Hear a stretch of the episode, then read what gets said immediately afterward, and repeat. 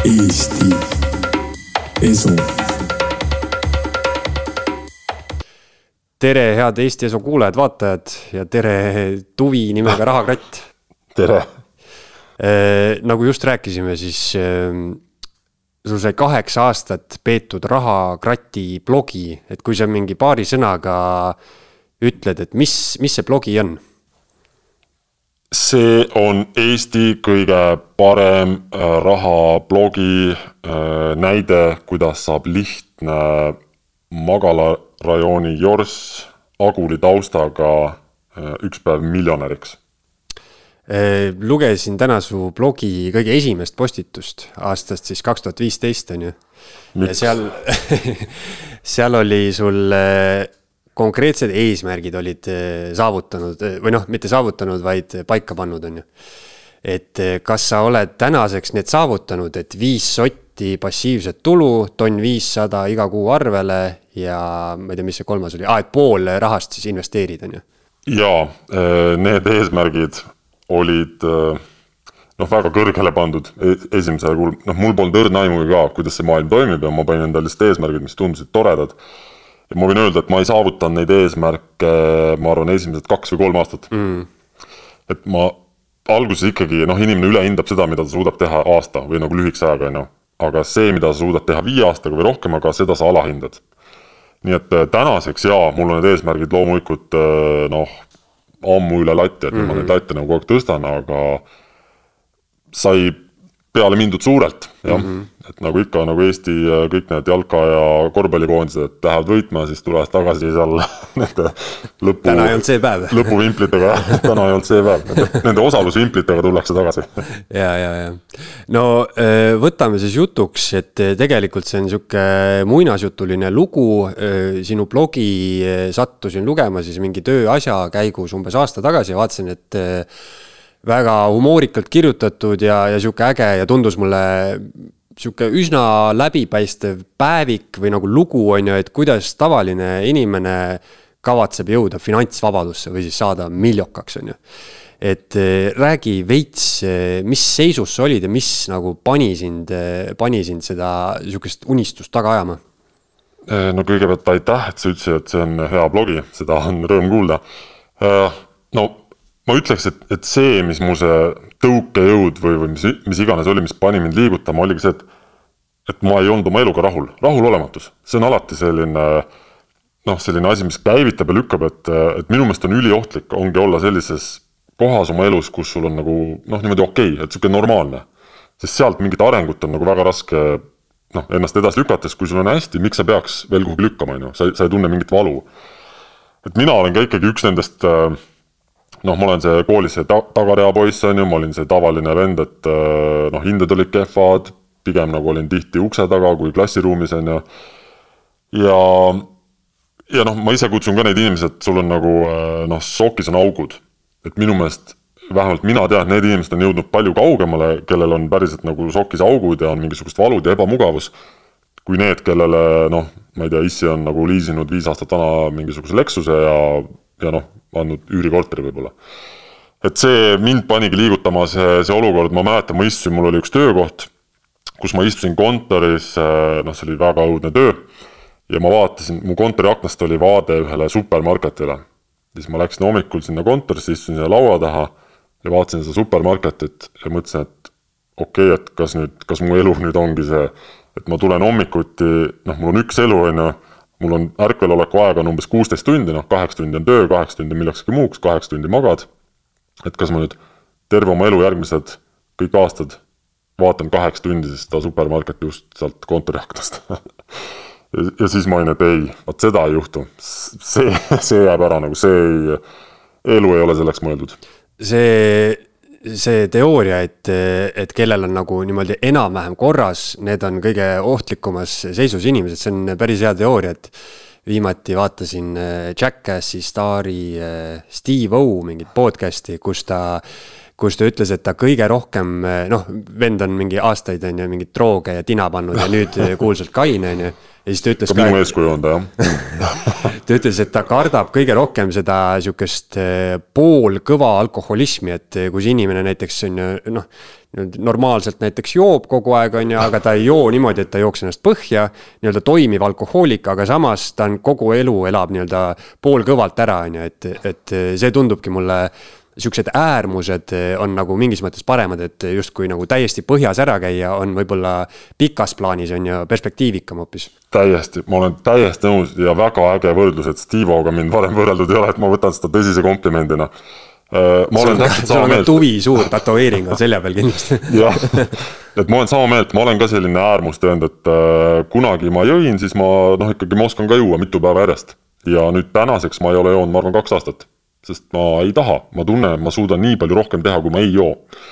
ja see, noh, eestlastel on ka muidugi üldsegi see, noh, see joomine on väga õrn teema, et ma ei ole vist eriti populaarne, kui ma ütlen, ma pole kaks aastat joonud, on ju. aga minu meelest sihuke enamus eestlasi ongi, mina kutsun neid nagu valvejoodikuteks et ta on alati valmis, kui sa helistad mõnele oma sõbrale, nad on alati valmis jooma tulema.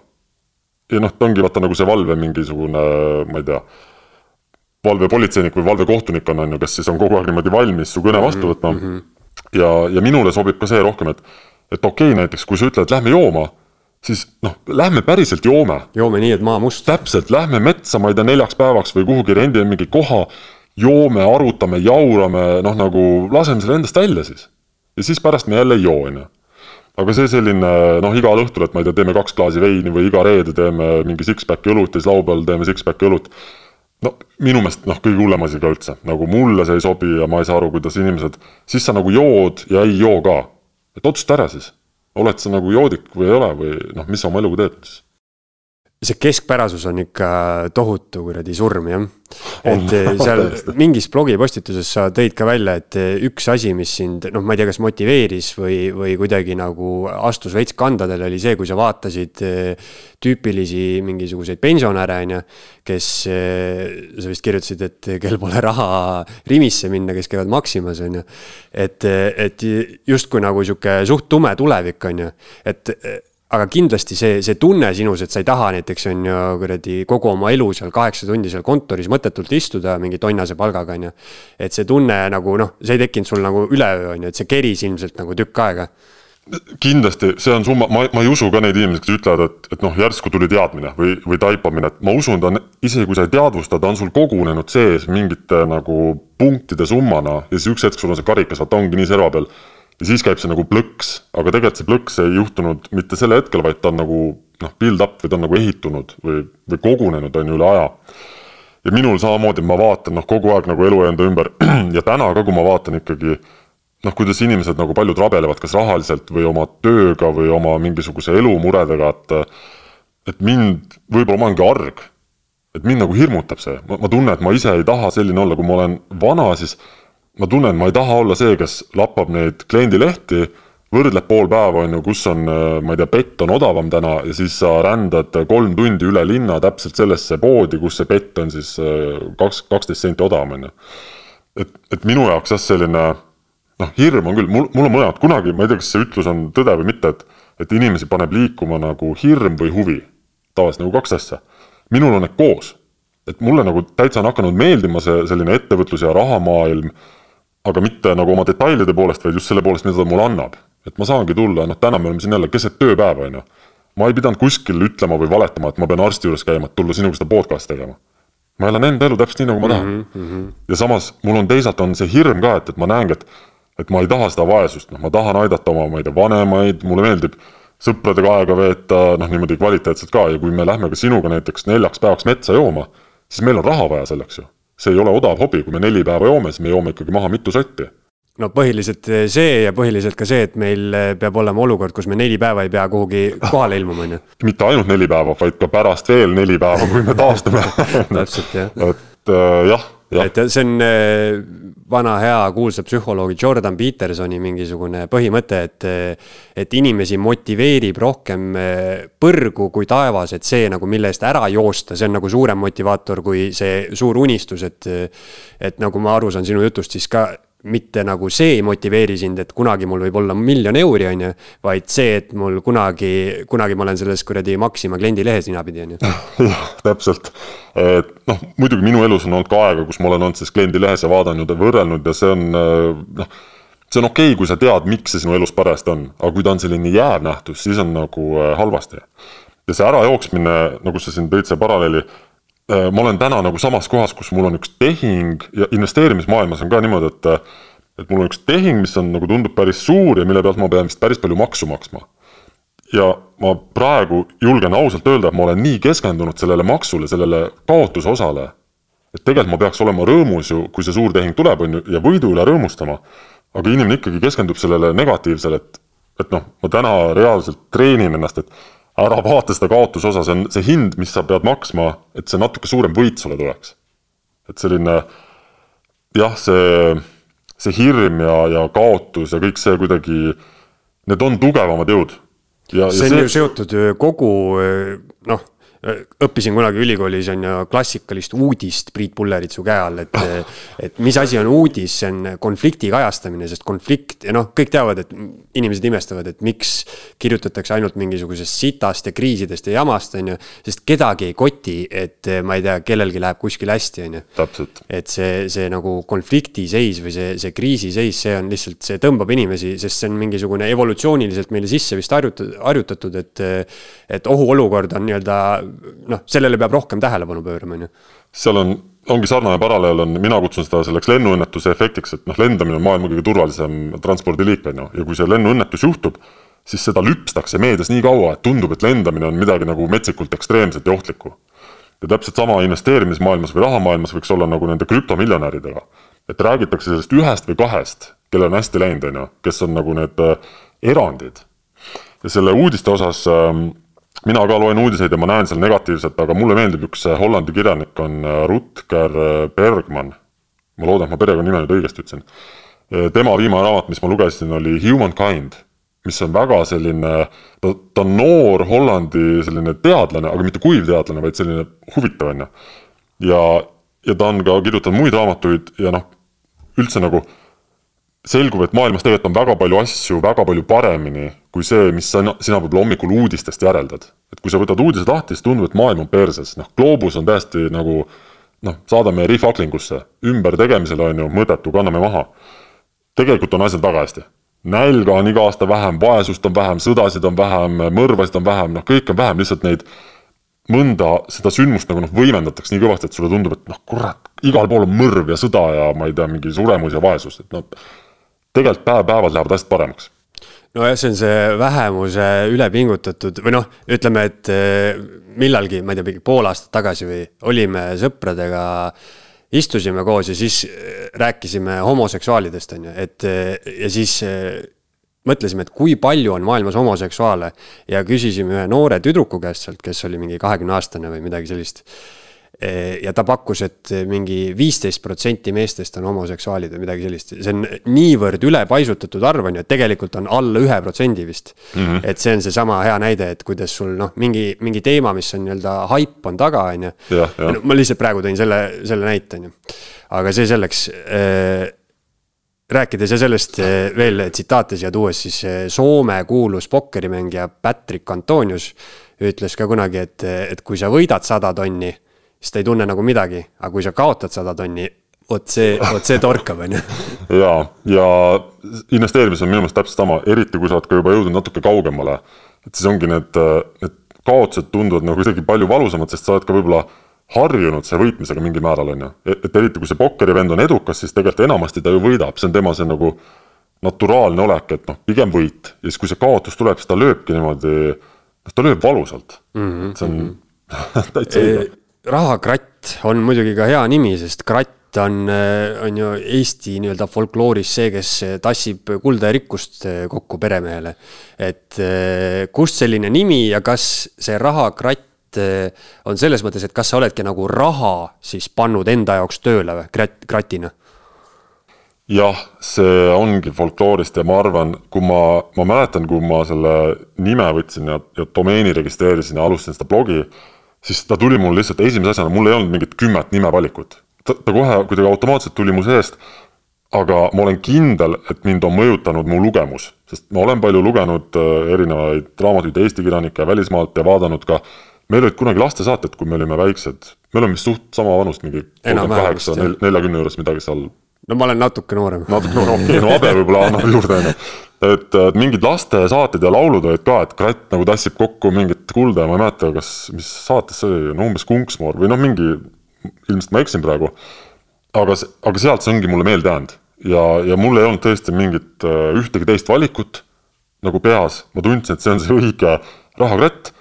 ja täpselt mina olengi, et see raha, mille ma siis teenin, mille ma nagu ise suudan teenida, selle ma siis panin niimoodi tööle, et ma ei kulutaks seda, seda palgaraha ära, sest see on kõige kallim raha üldse. Sest selle nimel sina oled andnud oma elu tunde ja minuteid ja päevi ära, mida sa ei saa mitte kunagi tagasi. aga kui sa nüüd kulutad seda raha, mis sa oled teeninud investeeringutega siis sa oma seda nagu, seda seemneraha ei kuluta, see jääbki nagu igaveseks sinu jaoks tiirlema. ja minu meelest see on lihtsalt nii ideaalne selline mudel, et et see raha ongi selline kratt, kes siis läheb küla peale ja, ja noh, toob sealt tagasi, aga seda, seda kratti ennast ma nagu kunagi ära ei söö või ära ei tapa, on ju. et ma tarbin ainult seda, mida tema toob seal see noh, siis mul nagu peas mängiski see kokku, et see on ju, kõlab väga hästi. ja, ja see eh, eluks ajaks on mulle ka meelde jäänud eh, sõna rantjee tähendus, eh, ehk siis isik, kes elab ainult dividendidest, põhimõtteliselt see, mis sa praegu kirjeldasid, on ju. aga kui me rääkisime sellest, et mis see viimane piisk oli, et sa vist alustasid seda blogi kuskilt kolmkümmend, on ju? et kas ja, see, kas see oli kuidagi selle vanusega seotud või kas, mis see nagu see viimane faktor oli, et kui me rääkisime, et see asi nagu kerib su sees, et kas see oligi see mingi konkreetne päev, kus sa vaatasid aknast välja või, või mingi konkreetne pensionär, keda sa nägid või? või nagu, mis, mis oli vaata see, see, et sa tegid selle otsuse, davai, ma hakkan blogi pidama ja ma võtan endale selle eesmärgi küll ma tahaks öelda, et see oli üks konkreetne pensionär ja siis tahaks praegu tervitada Hildat, kes kuskil oli, on ju, aga aga kahjuks see ei olnud nii. ma arvan, et see oli niimoodi, et kolmekümneselt võib-olla tuli küll mingi tabamine, ma, ma ei taha seda siduda mingiks noh, suur, et nüüd kolmkümmend ja siis toimus mingi muudatus või kuidagi, et ma, ma ei ole mingit numbri või sellist usku ka, et noh, ma usun ainult eurodesse, on ju, selles mõttes numbritesse, aga aga ma arvan, et, et, et mingi niisugune tabamine küll või taipamine, et, et vaata, ma olen elus teinud juba no palju, ma arvan, et ma olin mingi viisteist aastat tööd teinud, sest ma alustasin suhteliselt varakult. ja igal pool ma mõtlesin nii, et no, no ei ole see, noh, et jälle ei ole see. ja äkki, äkki ma siis nagu võisingi mõelda midagi sihukest, et näed, nüüd ma olen jälle nagu mingis uues kohas. ja noh, jälle nagu sama vana sitt, noh täpselt nagu, et ma olen, ma olen vanem ja ma teen nagu jälle mingit asja, noh, mida ma ei naudi, mis mulle ei meeldi, lihtsalt raha pärast noh, ilmselt siis ma mõtlesin küll, et nagu okei okay,, noh aitab. ja ma mõtlen seda, et kui ma, kui ma olin valmis kannatama viisteist aastat või, või kui võtta ka keskmine eestlane näiteks. ta on valmis tegema tööd, no ma ei tea, kolmkümmend, nelikümmend aastat. et siis minna kas pensionile või et siis oleks sul majalaen makstud või mis iganes, on ju. et sa oled valmis kolmkümmend, nelikümmend aastat kannatama.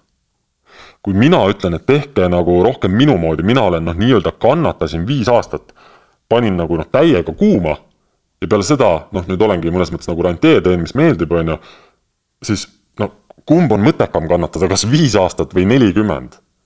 et ma ei saa sellest aru, miks inimesed nagu ei, kuidas see ei jõua kohale, et noh, mida sa nelikümmend aastat kannatad, kui ma võin sulle näidata, kuidas võib-olla kannatada viis aastat. ja peale seda asjad hakkavad nagu järjest ja järjest paremaks minema.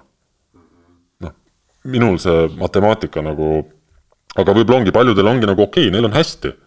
et noh, mis, mis siin ikka pingutada yeah, yeah no võin öelda enda koha pealt, et mul äh, mingi mõni aasta tagasi toimus ka nagu natuke sihuke mingi piisa moment siis ütleme niimoodi, et ma tegin noh, enam-vähem. nagu piisa torn vajusid ära enam-vähem terve kahekümnendat ma töötasin tegelikult ainult äh, kätega, ainult füüsilist tööd, on ju, ja noh, põhimõtteliselt selle jaoks, et maksta mingit üüri ja tina panna, on ju, enam-vähem ja, ja siis ma mõtlesin, et no mingi hetk ma pean hakkama nagu ajuga tööd tegema, et ma lihtsalt olin ka nagu enda arust jube tark tüüp, on ju, aga samas nagu käid kolimas ja põrandaid lihvimas, on ju, et mis värk on, on ju. et, et siis mul tekkis ka nagu moment, et, et peaks nagu kuidagi oma nagu aega vaata paremini ära kasutama või nagu mingisugust potentsiaali või asja, on ju. et, et jah, lihtsalt sihuke, sihuke nihe on ju, aga räägime hästi konkreetselt, et, et sa kirjutasid blogi alguses, et su palk oli mingi tuhat ükssada kuni tuhat kolmsada euri kätte, on ju.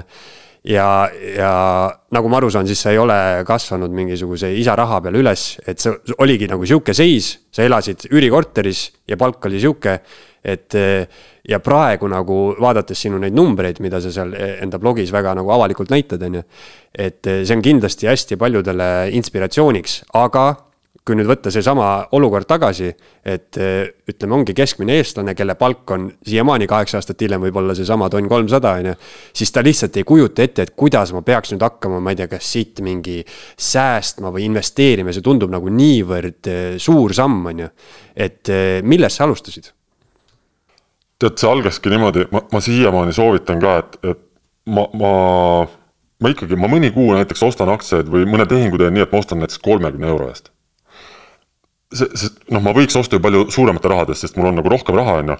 aga mind see, see pidev tegutsemine nagu hoiab kuidagi selles maailmas, et ma saan aru, et ma noh, kogu aeg nagu tegutsen. et see hoiab mind niimoodi hästi, hästi palju liikumas. kui ma nüüd mõtlen, jah, ma alustasin seal mingisuguse tuhandese palga juures, ma hakkasingi vaatama reaalselt, et noh, kuhu mu raha läheb, miks ta läheb mingitesse kohtadesse, noh, kuhu ta ei peaks minema, on ju, kust ma võiks natukene noh, maha tõmmata ja pigem nagu hakata siis investeerima. ja need esimesed tulemused, minu meelest see no see alustamine on, on nagu ülilihtne, sest kui sa enne pole teinud mitte midagi ja nüüd alustad, siis need tulemused tulevad nii kiirelt. see on, ma toongi tihti oma esinemistel ka, toon sellise trenni paralleeli, et kui sa lähed trenni, siis need esimesed kuud on minu meelest kõige motiveerivamad, sest no sa reaalselt näed kogu aeg muutust, sa kaotad kaalu või kasvad või mida iganes või saad kiiremaks, mis sa teha tahad, on ju.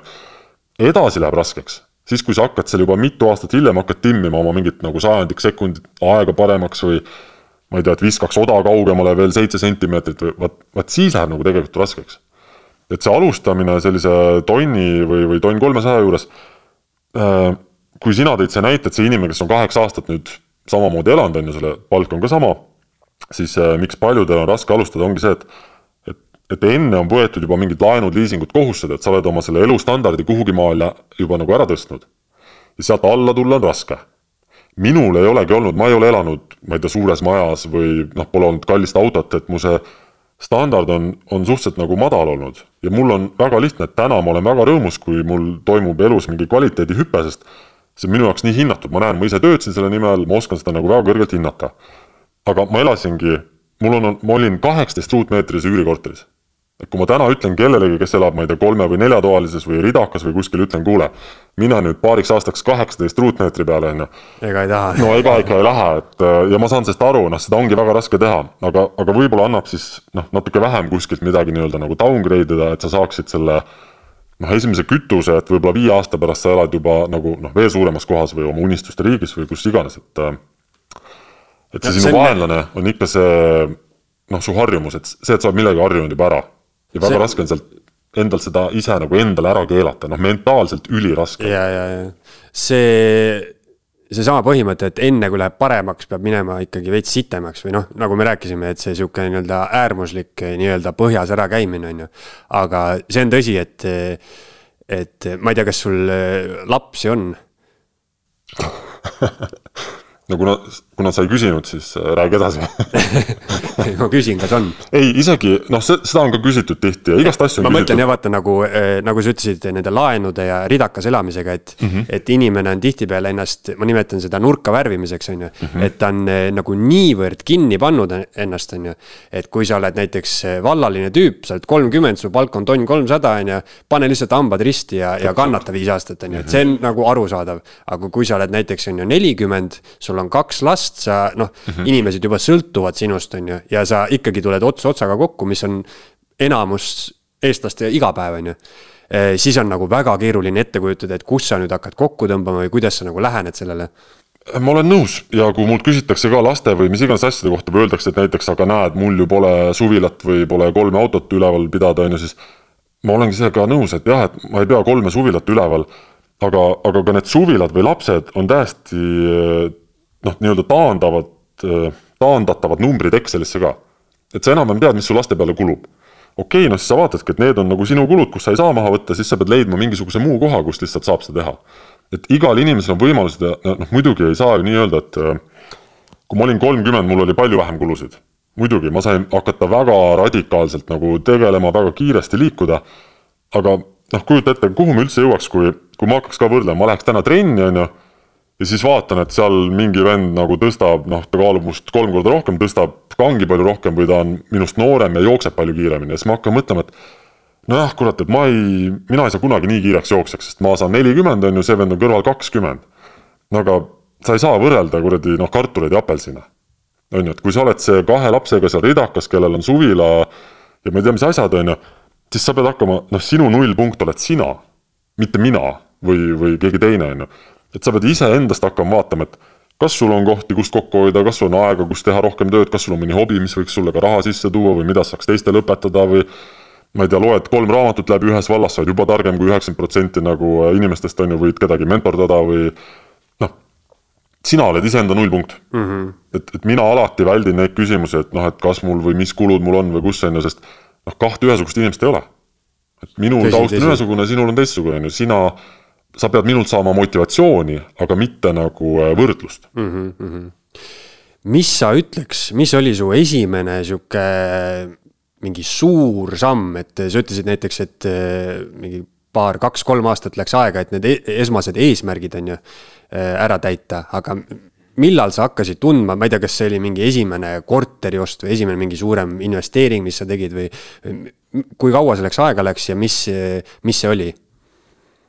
Kus sa hakkasid nagu tundma, et ahah, siit nagu, et nüüd on mingisugune inerts sees on ju, et, et mul on nagu elukorraldus on muutunud ikkagi ma olen seda mõelnud, kusjuures ise täpselt samamoodi, ma ei oska noh, mingi esimese üürikorteri ost kindlasti, sest siis ma tundsin, et davai, vot nüüd ma olen nagu suurte poiste liivakastis on ju. kaua selleks aega läks näiteks? Äh, no mul, ühe ma ostsin tõesti mingi väga õnnetu päris alguses. noh, mis oli väga odav, sinna võis, mul oli seal ka sihuke tehing, et see inimene võis sinna elu lõpuni sisse jääda, on ju.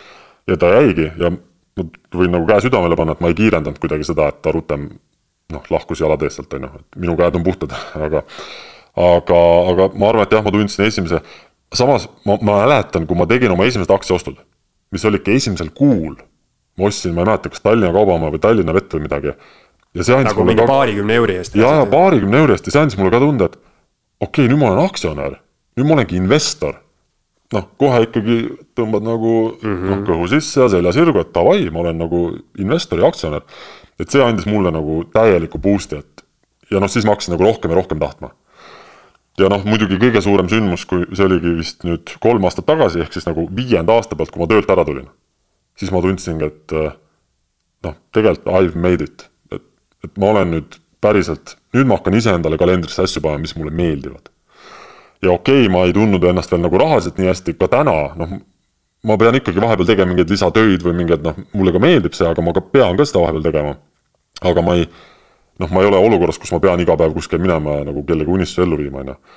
et, et ma arvan, need on jah, sellised mingid märgilised asjad, et juba see esimese aktsia ost, sa võidki juba öelda, et sa oled investor. et sa oled nagu, sa oled börsiinvestor, on ju. et minule andis see küll sellise noh, seltskonnas oli parem olla, mitte et ma sellega nagu ülbitsesin, aga noh, ikka sellises seltskonnas päris tore tunne on, et näed, siin seisab üks investor nagu mm. -hmm. no ilmselt see näitab, see näitab vähemalt seda, et isegi kui sa oled teinud selle viiekümne eurise mingi aktsia ostu, on ju, et see näitab ju seda, et, et sa mõtled sellele, et sa nagu või noh, sul on nagu, sa lihtsalt ei, ei tambi tühja oma päevi nagu on ju. jah, ja, ja sellega sa annad ka näpu, sest tegelikult sa tahad seda järgmist viiekümpist teha ja sellepärast see esimene liigutus ongi oluline. Pole vahet, mis summa või mis sa teed sellega, peaasi, et sa teed esimese liigutuse, siis sa hakkad noh, alateadlikult otsima neid järgmisi võimalusi ja mina ka, ma ütlen, ma olen täna väikeste võitude üle väga õnnelik ja ma jätkan kogu aeg väikse, väikeste summadega ja suurematega. ja kui vahel mõni nii-öelda nagu suurem tehing sülle kukub, siis see ongi sellepärast, et ma järjepidevalt teen neid väikseid ja noh, hoian nagu silmad lahti. sest kui sa hakkad kohe nullist otsima mingit suurt tehingut, noh, ma ütlen, tõenäosus on üliväike, et see juhtub see on äh, asi, noh, mida ma enda puhul olen ka märganud ja see on vist üldse hästi inimlik, et. Äh, et sa ootad kohe mingisugust suurt pauku või noh, ütleme, kui kasvõi mõelda sellele, et äh, tahaks enda ettevõtte teha, on ju et eh, mul ei ole äriideed, on ju, ja mhm. siis seda äriideed mõeldes. ma arvan, et enamus inimesi, kes ei ole ettevõtlusega kokku puutunud, mõtlevad, et neil peab tulema mingisugune geniaalne sihuke eureka moment, on ju, et siit nagu mingi miljoni idee peab kohe tulema. ma teen kas Bolti või mitte midagi. jah, enam-vähem on ju, aga et tegelikult sa võid hakata ka, ma ei tea, mingisuguseid kleepse müüma, et see on ka äri, on ju. täpselt ja siis sa ju märkad ka, mida on võib-olla veel kuskil vaja või noh, sealt sa ju hakkadki õppima, et see investeerimisega samamoodi, sa teed mingid esimesed liigutused, siis sa näed, et ahah, siin on võimalus või see on võimalus või noh, sul nagu täiega avardub ja mm. selle ettevõtlusega ongi sama, et alguses müüd kleepse ja siis sa pärast näed, et oo, kleepsu eemaldus on palju suurem äri. Davai, ma hakkan seda tegema. või noh, sealt nagu niimoodi edasi liikuma, et mul on heaks näiteks on üks sõber, kes tahab endale maja osta, ta elab vanemate juures, ta tahab endale maja osta. ja ta kogub aastaid ja ta ei osta.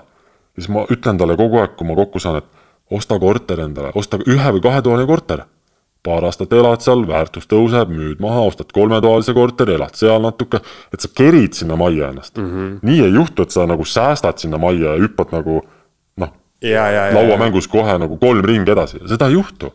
sa pead need ringid ära tegema vana hea ikkagi Tammsaare, et tee tööd ja näe vaeva, siin mingit muud nagu suurt saladust ei ole. no ei ole saladust jah, sest noh, minu, see on juba täiesti klišee, mida ma ütlen, aga noh, aeg möödub nagunii, on ju.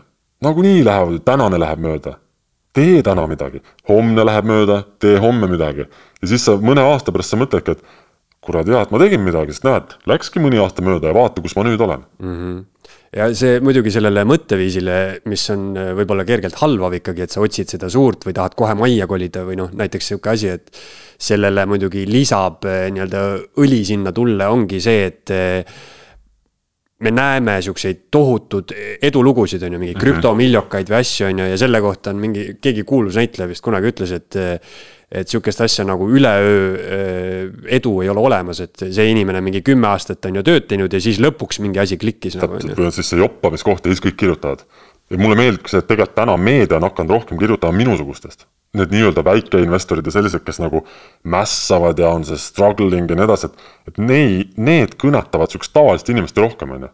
et mid, mida ma loen nende Bolti villigute kohta, jah, toredad, respekt ja äge ja nii edasi, aga tõenäoliselt minuga juhtub, noh, see on lihtsalt nagu peaaegu olematu. aga tõenäosus, et kui sa loed minu kohta ja tõenäosus, et sul näiteks on varsti kümnetuhandene aktsiaportfell, see on väga suur. jaa e rääkides sellest, siis miks sa enda identiteeti peidad? võib, võib-olla ongi sama kas see oli, kas see oli, noh, loogiline idee oli see, et kui sa esmalt alustasid, siis sa lihtsalt ei tahtnud, et su tööandja sellest teada saaks? Jah, ja ma ei tundnud ka ennast mugavalt, sest ma üldse ei teadnud, mida ma teen, mulle, mulle meeldib lihtsalt kirjutada, ma ei ole tahtnud nagu ennast esile tõsta, vaid ma tahtsin kirjutada seda, seda teekonda. Ja, ja kui üks hetk kutsuti esinema, noh siis mul oli vaja mingit, noh mõelda välja, kas ma lähen nüüd siis iseendana või teen ennast kellekski. Ja kuna mulle noh, meeldib katsetada nagu piire kompida ja teha mingeid nagu lollusi, on ju, siis äh, noh, juhtus, juhtus siis see mask, on ju, et äh, sama hästi oleks võinud olla ka kikilips ja stringid ja siis et oleks ka teistel taga... aladel olnud. Siis oleks jah mujal olnud. aga, aga jah, et aga see võtab ka natuke seda võrdlust maha. et kui ma räägiksin kõik, mis mul on ja nii edasi, siis inimesed võib-olla hakkavadki võrdlema, et näed, aga ta on ju sealt või tal on see või tal on teine või tal pole seda või teist, on ju. Aga kui sa näed lihtsalt, et ma olen nagu mingi keha ja kes nagu paigutab rahasid, siis sinul on minuga lihtne suhestuda, Valduril on lihtne, ma ei tea, noh, kõikidel on palju lihtsam, ma suudan nagu kõnetada palju rohkemaid siit tuleb see anonüümsus kindlasti lisab ja sellist noh, mulle tundubki, et et selleks, et nii-öelda kas alustada sellel teekonnal või üldse nagu siseneda rahamaailma, sa pead olema hästi-hästi realist, on ju. et eh, see tuleb välja ka sinu blogi postitus, eh, postitustes hästi, et kuidas sa nagu näitad, on ju, kuhu sa raha paned, palju sisse tuleb, hästi nii-öelda ilma igasuguse noh, mingi hinnanguta. hinnangu sa võid välja lugeda sealt eh, humoorikast tekstist, mis on juures, on ju.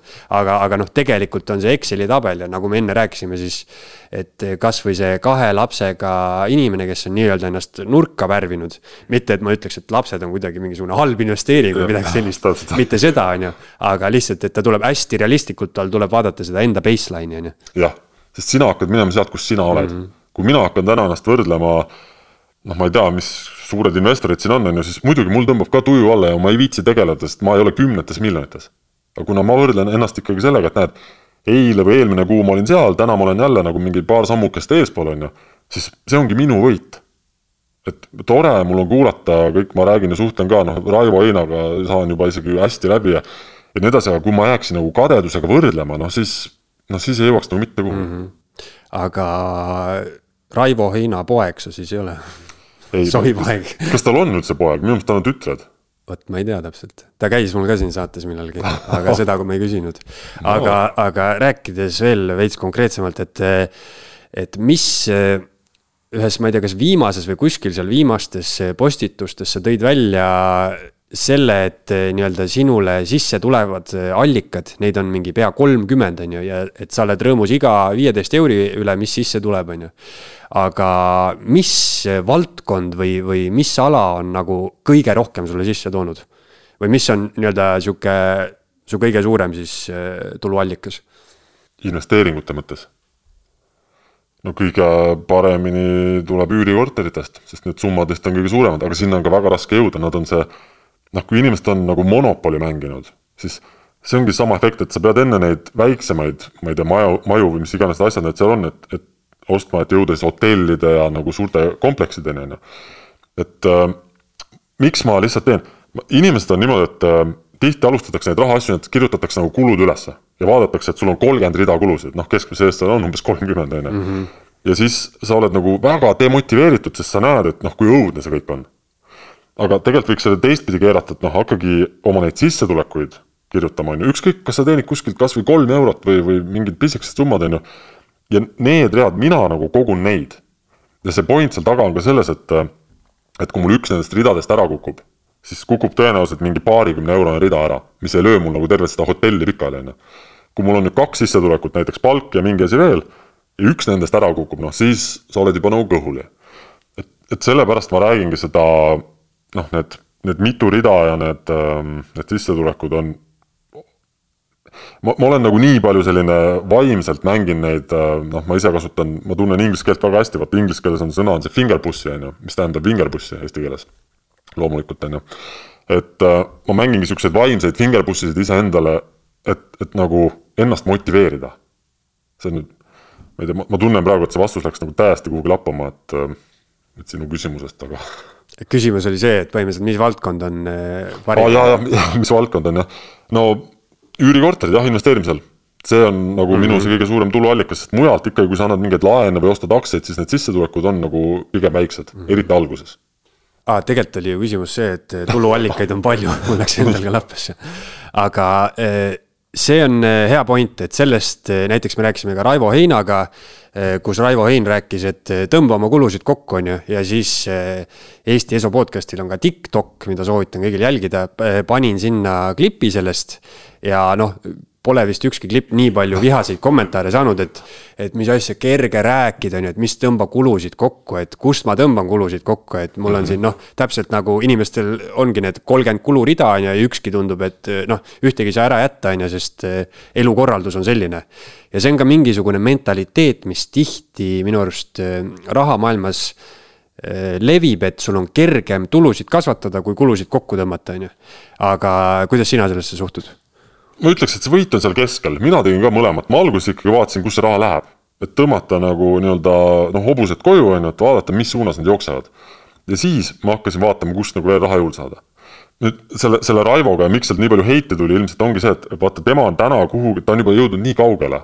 et loomulikult, kui sa noh, kuulad teda, siis on nagu raske suhestuda et sa peadki võib-olla vaatama kedagi, kes on nagu nullist tulema hakanud, sest mm -hmm. kui sa mhm. tervet Raivo lugu vaatad, siis tema neid kulusid tõmbas koomale ilmselt, noh, ma ei tea, kui vana ta on, ta on üle kaheksakümne, on ju, siis tema elas, vähemalt, tema elas kitsast elu siis mingi noh, kahekümnendatel mm. -hmm. nii et noh, täna ta muidugi ei pea enam seda kitsast elu elama, aga aga kui need inimesed, kes seal siis nagu heidivad või ütlevad, et noh, hea öelda, mina küll kulusid kokku ei tõmba, no siis ma küsin uuesti seda, et kas siis on lihtsam kannatada nüüd elu lõpuni või siis võtta ennast kokku ja kannatada näiteks viis aastat ja teada, et sul peale seda nagu hakkab paremaks minema noh, minule on see nagu ilmselge, on ju, aga, aga mõned inimesed nagu ei, ei saa kuidagi sellest aru mm. -hmm. ja, ja võib-olla sellepärast vaata ongi Raivo ei suhestugi enam nii-öelda lihtsa inimesega, sest ta on nii kaugel eest ära juba.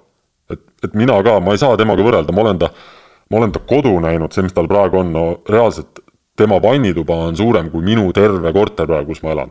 no muidugi, ma võiks seal nutta, on ju, endale paela kaela panna ja, ja seal vannis ennast ära uputada, või teine asi on see, et ma keeran selle kadeduse nagu endale motiveerivaks jõuks, et näed noh, see on võimalik, Eesti mees on niimoodi suutnud teha, on ju.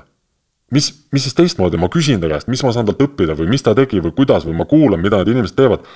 et nagu järgi jõuda, mitte jääda niimoodi sinna nurka kadetsema jah, helikopteritega on võib-olla raske suhestuda, kui sa eladki kaheksateistkümne ruuduses korteris on ju.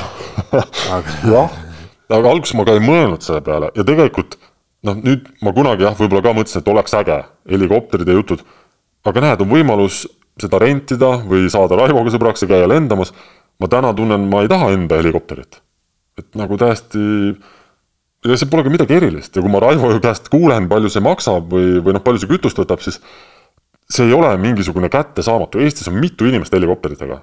ühel mehel on lausa kolm tükki neid.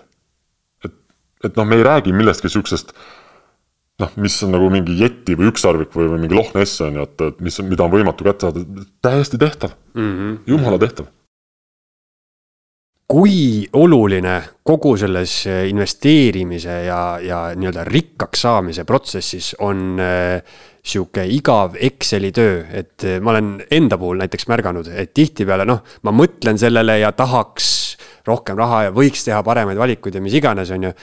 Aga kui oluline on reaalsed asjad nagu paberile kirja panna, et sul, ma ei tea, kas tekiks motivatsioon või vähemalt parem pilt on ju, seesama realistlikum pilt.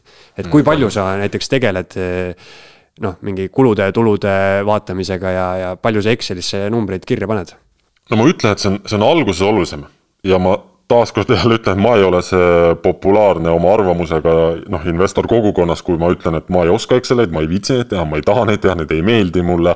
Ma ei istu tabelites. ma olengi väga palju nii, et ma endiselt lihtsalt iga kuu investeerin. ma nagu ilmselt teeksin palju paremaid otsuseid, kui ma rohkem nagu Exceldaksin. aga ma ei viitsi seda teha, mulle ei meeldi, ma ei taha, ma ei taha veeta nüüd oma neid vabu päevi siis seal Excelites on ju et äh, ma sain alguses selle pildi ette, ma tean, mis mu kulud on, ma tean, mis on mu sissetulekud ja ma kord kuus käin nad üle, ma vaatan lihtsalt, et ma oleksin nagu graafikutes, ma tean iga kuu, kui palju ma kulutan. sest mul on iga kuu üks summa kulutamiseks. Ja ma ei, ma ei arv-, ma ei pane seda nagu kirja, et mis ma täpselt ostsin selle eest. et selles mõttes ma olen teinud asjad väga lihtsaks ja automaatseks, et piisab, kui sa ühe korra kallad ennast külma veega üle, vaatad oma nagu selle Exceli üle, on ju, ja edasi sealt pealt lihtsalt nagu liigud, vahepeal noh, teed, ma ei tea, kuus mingi kokkuvõte, et vaatad, oled plussis või miinuses.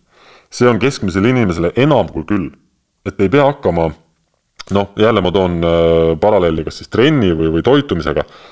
et kui sa nüüd tahad tervislikult toituma hakata, siis alguses lihtsalt pane kasvõi söögiajad paika endale. noh, söö sitta edasi, aga, aga pane kasvõi ajad paika, et sa sööd kindlatel aegadel. sest kui sa hakkad niisuguse keskmise inimesena kohe üle mõtlema, et nii, ma kaalun mingeid neid, kuidas on valgud ja seda grammi ja nii palju siit neid gramme, on ju, sa lähed lolliks. ja sa ei viitsi tegeleda, sellel pole mõtet ja trennis samamoodi. kui sa tahad mingit trenni teha, siis mina ütlen niimoodi alati inimestele, et kuu või kaks mine tee kõigepealt. kui sulle meeldib joosta, siis sa lähedki oma kuradi kalossides ja lihtsalt T-särgiga lähed jooksed. Ja kui sa kahe kuu pärast tuled minu juurde, ütled mulle, et sulle meeldib, siis ma ütlen, nüüd sa võid minna endale asju ostma. mitte nii, et sa alguses ostad endale, valid tosse neli kuud, et milline kaalub kolm grammi vähem, on ju, milline, mis jutud kõik nagu lihtsalt alguses mine jooksma, käi ja vaata, kas see sobib sulle, võib-olla sobib üldse mõni teine ala, on ju. ja selle investeerimisega samamoodi. iga kuu lihtsalt hakkad tegema, kas või iga kuu ostad ühte aktsiat. tuleb palk, siis sa ostad saja eurost kas või ainult ühte aktsiat kogu aeg. Ja siis kuue kuu pärast näiteks vaatad, mis sulle meeldib. kas sobib see stiil või tahad sa mõnda teist aktsiat osta või tegeleda üürikinnisvaraga või mingite muude asjadega või võlakirjadega, on ju. et, et sellist ülemõtlemist on palju ja siis sa jäädki selle noh, see inglise keeles on mingi hea sõna ka, et selle decision paralysis äkki või, või midagi, noh, ühesõnaga, et sul on nii palju valikuid. Analysis para-, jah, mingi noh, midagi sihukest. mõtlesin, et tuleb jube hea. jah, jube nagu hooga tulid peale praegu, kõik lõpp kukkus ära, niisugune ehe eesti mees, et nagu hooga voodisse, aga siis lõpp vajub ära. et seesama asi, sul on noh, kapis on mingi tuhat värvi, eri, erinevaid mingeid kampsuneid ja riideid, siis hommikul seal kolm tundi kaalud on ju, mida selga panna. noh, mida sa väsitad ennast? panedki endale mustad särgid ritta, on ju, iga päev sa võtad ühe musta värvi särgi ja lähed tööle ja tehtud, on ju. investeerimis täpselt sama, tuleb palk, soti eest, ma ei tea, ostad Tallinki või LHV või Kaubamäe aktsiaid, mis iganes, lähed oma eluga edasi, kõik mm. -hmm. Sellega ma olen täiesti nõus, et, et mida lihtsam on süsteem, seda -hmm. jätkusuutlikum ta on. et kui sa hakkadki noh, oled paks ja mõtled, et davai, ma hakkan kaalust alla võtma ja hakkad näiteks iga päev on ju kaloreid lugema, noh kohe niimoodi on ju. et siis see lihtsalt noh, ei ole väga jätkusuutlik, et sa mingit aega viitsid seda teha, lõpuks on kopp ees on ju. täpselt, et see ikkagi enamustele see ei sobi ja minu meelest ka enamus investoritele selline nagu süva mingi rets ekseldamine ei sobi. Sest tavaline investor või noh, see, kui me räägime lihtsast inimesest, kes vaatab noh, sööbki õhtul pilahvi ja vaatab Kanal kahte, ta ei ole see Exceli vend. on ju, tema peab olema see mees, kes teabki, et ta iga kuu soti eest ostab aktsiaid või, või kogub üürikorteri raha või, või mis iganes. tema on see vend, tema süsteemid peavad olema hästi lihtsad. ja tema trenn on ka selline, et tal peab olema lihtsalt nagu trennisärk ja ta peab tõstma kangi näiteks või käima jooksmas. hoidma nagu asjad super lihtsad. trenniga on jah, see, see on see paksude naiste võlts dissi paradoks, et eh, need on need, kes on olnud, eh, tahavad, vaatavad Instagramist ilusaid bikiini fitnessi pilte, on ju, ja siis mõtlevad, et nad hakkavad ka tegema. ja aga, aga esiteks mitte nad ei lähe trenni, vaid lähevad, panevad endale kunstrinnad, on ju. ja siis nagu sa ütlesid, vaata, et kaks kuud teevad, aga siis nagu noh, tegelikult nii-öelda spordivahendeid ei olegi, ei olnud mõtet enne osta neid disse, on ju. aga. päris hea parajal jah rantjee elu, milline see välja näeb, mis sa, milline su igapäev välja näeb, et kui sa hommikul üles ärkad, mis sa teed? oh, söön äh,, vahel jalutan, oleneb ilmast, ma käin tihti keset päeva trennis. loen, ma käin, noh, sinuga teen podcast'i, vahepeal teen teisi podcast'e, vahepeal käin esinemas, vahepeal äh, vastan mingisugustele, noh, mul on ikkagi mingid äh, meilikastid on ju, kus ma üle käin üürikorterid, vahel keegi midagi tahab või küsib või otsin mõnda uut asja või, või mõni väike ettevõtmine, mis mul on. noh. nipet-näpet. nipet-näpet jah, ma nagu teen kogu aeg asju, et täna ma olingi ka hommikul ühes kohas, ma, ma ei saa täpselt nagu öelda, kus ma olin, aga aga kui inimesed küsisid mult, et noh, mis siis nagu, mis siis täna edasi plaan on. ja ma täiesti automaatselt hästi kiiresti ja mõtlemata ütlesin, et noh, ikka teen mingeid tööasju, on ju. ja siis pärast jäi mõtlema, et see on täiesti vale et ma olin lihtsalt nagu nii automaatselt selles nagu oma vanas selles ühiskonnarežiimis, kus noh, imelik on öelda, et näiteks mul on täna vaba päev, sest täna on kolmapäev, on ju. aga tegelikult mul on täna vaba päev, mul on täna täiesti vaba päev. aga noh, ikka on see programm on sees, ma vastasin nagu kohe kiirelt, jaa noh, teen mingit nagu tööd, on ju. tegelikult ma ei tee täna tööd mm, -hmm. ma ei tee, ma ei tee mitte midagi. ja, ja mulle meeldibki see, et äh, kunagi, kui ma sain oma, tulin töölt ära ja sain kalendri tühjaks, siis ma hakkasin hästi ettevaatlikult sinna nagu asju lubama et tõesti tükk aega ta oli väga tühi ja mul oli isegi vahepeal igav. aga ma nägin siis, et eh, noh, et mitte paaniliselt kähku kalendri täis panna, vaid niimoodi lubada väga tiheda sõela läbi, et siis ma päriselt näen, mis asjad mulle meeldivad. ja täna ma ütlengi, et mu elu on, ma, ma teen tööd, aga ma ei käi tööl. et ma teen mingeid asju, mida võib öelda nagu tööks, noh, mõned on mu hobid, on ju, et selline noh, väga meeldiv elukorraldus ja ma, ma ei istu niisama ja ma ei tea ka teisi investoreid, kes on nagu noh, jõudnud kuhugi maale. mitte keegi ei istuma, sest enamus neid inimesi on ikkagi siuksed hakkajad. Nad siis kas teevad mingeid projekte, mis ei too nii palju raha, noh, mida nad kunagi raha pärast poleks teinud, on ju. või ma ei tea, aitavad teisi või tulevad ikkagi mingid mõtted, inimesed, kõik inimesed tegutsevad. lihtsalt, kui sul ei ole seda rahafiltrit ees, siis su see pilt on selgem ja sa tegutsed päriselt seal, mis sulle meeldib, näiteks lähedki õpetajaks. noh, mida sa ju raha pärast nagu pigem ei teeks mm. -hmm oleneb, mida sa õpetad, kui sa õpetad, eh, ma ei tea, lingamassaaži, siis, siis võib-olla teeks. või kui sa õpetad seal, mulle meeldib see ka ikka seal soos mingit oma väge leidma või mingit asja, on ju, et siis noh, see on ka päris tulus äri mm. -hmm. aga eh, kui mõelda sellele, et eh, kuhu edasi, siis noh, ütleme need eesmärgid, mis me alguses rääkisime, mis sa täitsid endale, on ju, et kas ma ei tea, kas sa oled tundnud, et sul on nagu kogu aeg vaja mingisugust uut mäge või kas sa paned mingi aktiivselt näiteks sead mingisuguseid uusi eesmärke või, või näiteks on see miljoni eesmärk, et sul äh, kodulehel siis see netotulu on ju, või, või nii-öelda net worth jookseb kogu aeg, et see on sul mingi seitsesada tonni seal peaaegu vist on ju. jah, see kuhu edasi, mul on, mul enam nii konkreetseid eesmärke pole sest need on siuksed algusasjad, need on motiveerivad ja nendeni sa jõuad ja, ja see hoiab nagu käimas, aga minu järgmised eesmärgid on pigem sellised noh, ma ei tea, üldsõnalised või noh, nad ei ole nii lihtsasti mõõdetavad, et mm -hmm. et ma olen täna oma eluga juba nii rahul, et viimane postitus, mis ma kirjutasin, oligi kuskilt välismaalt tehtud, ma elasingi täpselt seda elu, mida ma kaheksa aastat tagasi ette kujutasin. et täna minu see eesmärk võib-olla on pigem see, et et ongi rohkem käia ringi, rohkem nagu kulutada raha kvaliteetselt, et päriselt lubada endale neid asju eh,, noh investoritel, ma tean, teistel ka on see, et, et sa oled ikkagi mingid aastad nagu säästnud ja kõvasti vaeva näinud ja hiljem on raske jälle seda mustrit murda, et nagu kulutama hakata. sest sa oled nii programmeeritud selle säästmise ja investeerimise peale, on ju. et minu see eesmärk tegelikult ka täna üks ongi selline rohkem endale lubada. sest ma tean, ma vaatan ju ka oma seda counter'it, on ju, et ma võin palju rohkem lubada, kui ma tegelikult luban. aga see tuleb nagu niimoodi aeglaselt, et ma olen harjunud et ma ikkagi säästan, investeerin, ma olen nagu harjunud mingi elustandardiga, ma võiks seda nagu tegelikult tõsta. ja siis ma täna, mu tänane selline eesmärk ongi see, et, et teha nüüd rohkem endale neid asju, mis mulle päriselt meeldivad.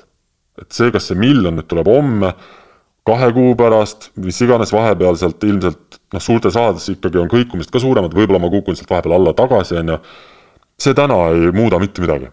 ma võin öelda, see on niisugune algusaja alustaja eesmärk, selline miljon mida lähemale sa jõuad, seda rohkem saad aru, et on siin miljon või, või on see nelisada tuhat näiteks.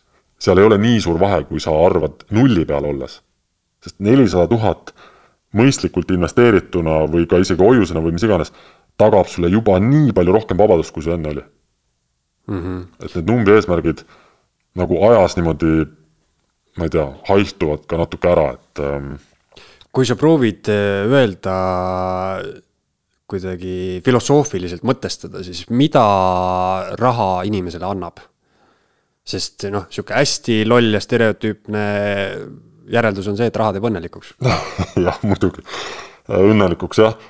ei, ma, ma käisin ühel esinemisel ka suvel, kus ma ütlesin, et, et eelmine aasta ma teenisin oma mingid rekordsummad, ma arvan, ma arvan, et iga kuu keskmiselt ikka noh, julgelt üle kümne tuhande.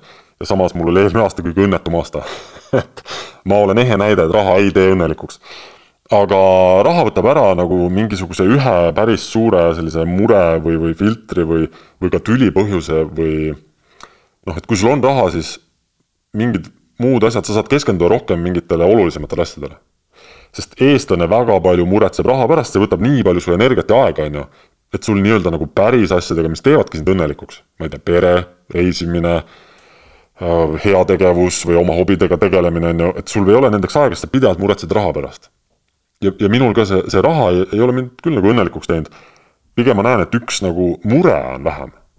üks päris suur mure on vähem, et näiteks ma ei pea kogu aeg raha pärast muretsema. ma saan muretseda mingi päris asjade pärast. ma peaks paremini sööma, ma ei tea, rohkem oma tervise eest hoolitsema, vaatama, kas ma saan kedagi kuskil juba aidata, on ju, teha mingeid ägedaid asju. noh, see raha on selline noh, ma ei, head nagu võrdlust ei oskagi tuua, et et nii kulunud on öelda, et ta, on nagu vahend, tahaks midagi ägedamat tuua niimoodi rahvakeelde, et ähm,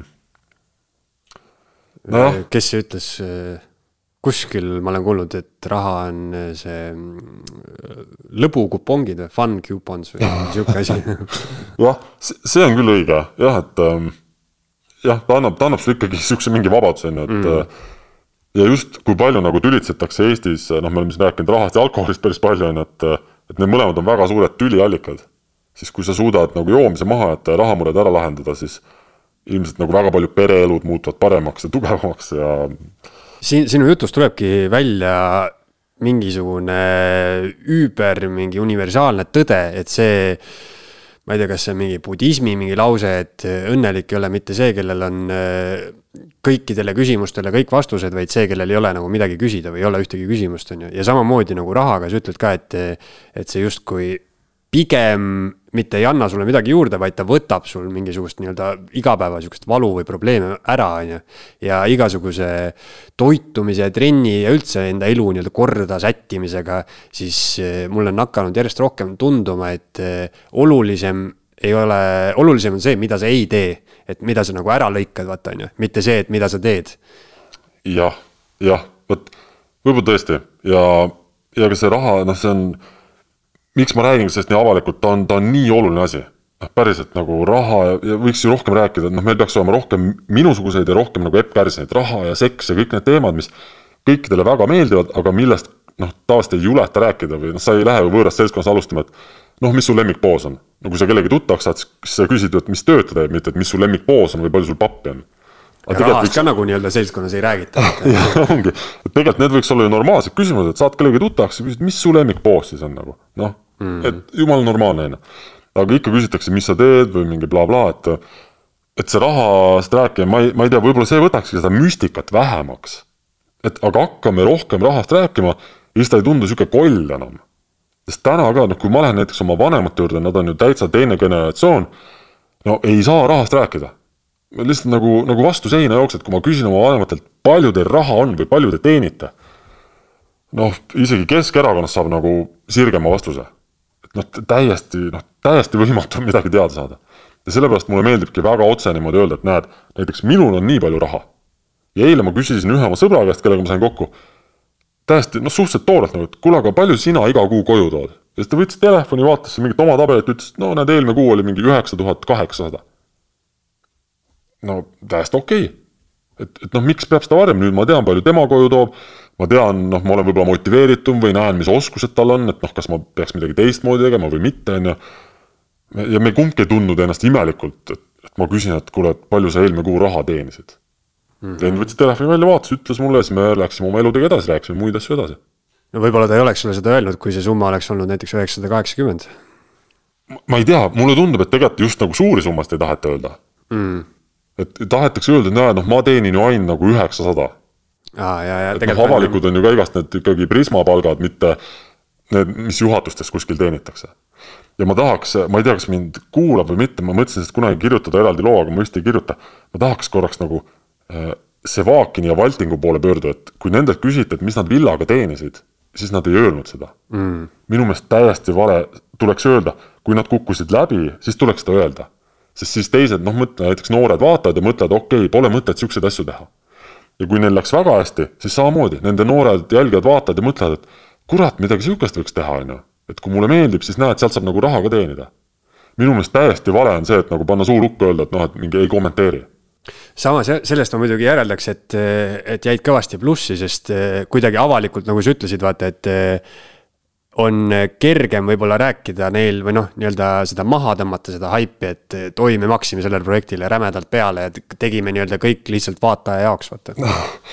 no ma ei tea jah, samas Aga... ma olen ka kuulnud teist juttu linna peal, kus öeldi, et noh, et nad jäid väga nagu suurde, suurde miinusesse sellega. ja siis on teisipidi võib-olla piinlik lihtsalt. no võib-olla piinlik, aga minu meelest, noh, minul ei oleks piinlik, minu meelest see on just hea õppetund, et näiteks kui mina oma mingite investeeringutega kõrben, siis ma ütlengi seda, et näete, mehed, noh, mul on USA-s on näiteks asjad jumala vee all et siit Eestist on väga raske USA turul olla edukas, eriti kui sa oled selline noh, sihuke, sihuke tont nagu mina, sihuke mitte eriti arukas ja nii edasi, on ju, et siis ma just tahan seda hoiatuseks öelda, et nagu, et oleme siin, olge siin Eestis, on ju, suurem tõenäosus, et raha jääb alles ja noh, vaadake minu pealt. ja minu meelest võiks igal pool olla nii, et mingi suurettevõtte juht tuleb ka, ütleb, et näete, okei okay,, ma teenin kakskümmend tonni iga kuu, aga ma näen oma naist, ma ei tea, kaks korda kuus, sest ma olen enamus ajast lennukis või koosolekul või ma ei tea, stressis või südamearsti juures on ju, lüüakse, pannakse jälle nagu õigesti tuksuma mm. -hmm. et rohkem sellist nagu avatust. nõus ja sellepärast me siin rahast räägime no vot. kuule, aga tõmbame otsad kokku, mis sa soovitad inimesele, kes tahab äh, jõuda vähemalt äh, sarnasesse positsiooni, nagu sina oled? võta, pane need ketsid alga, mine jooksma see ongi see, võta oma kontolt täna, võta viiskümmend eurot, helista panka, palu endal teha investeerimiskonto, ütle, et sa tahad osta viiekümne eurost endale aktsiaid. Ükskõik mis aktsiaid, ära kaalu, lihtsalt osta need ära, sest nagunii mõned aastad hiljem, kui sa sellega tegeled, sa näed, kas see oli vale või õige või vahet ei ole. sul on seda vaja lihtsalt selleks nagu oraks perses. et, et ma ei annagi kunagi mingeid soovitusi, et kindlasti osta täpselt kaheksakümne üheksa euro eest ja täpselt ainult, ma ei tea, Tallinna Sadamat või, või mingi pane võlakirjasse lihtsalt võtad täna viiskümmend konto pealt, teed oma esimese investeeringu. Analysis paralysis oli see sõna. ja, ja mul tuli korra meelde, siis ma mõtlesin, et ma ei hakka seda rohkem ütlema, aga kuule, aga väga tore, et said tulla ja palju õnne siis Rahakrati kaheksanda aasta puhul.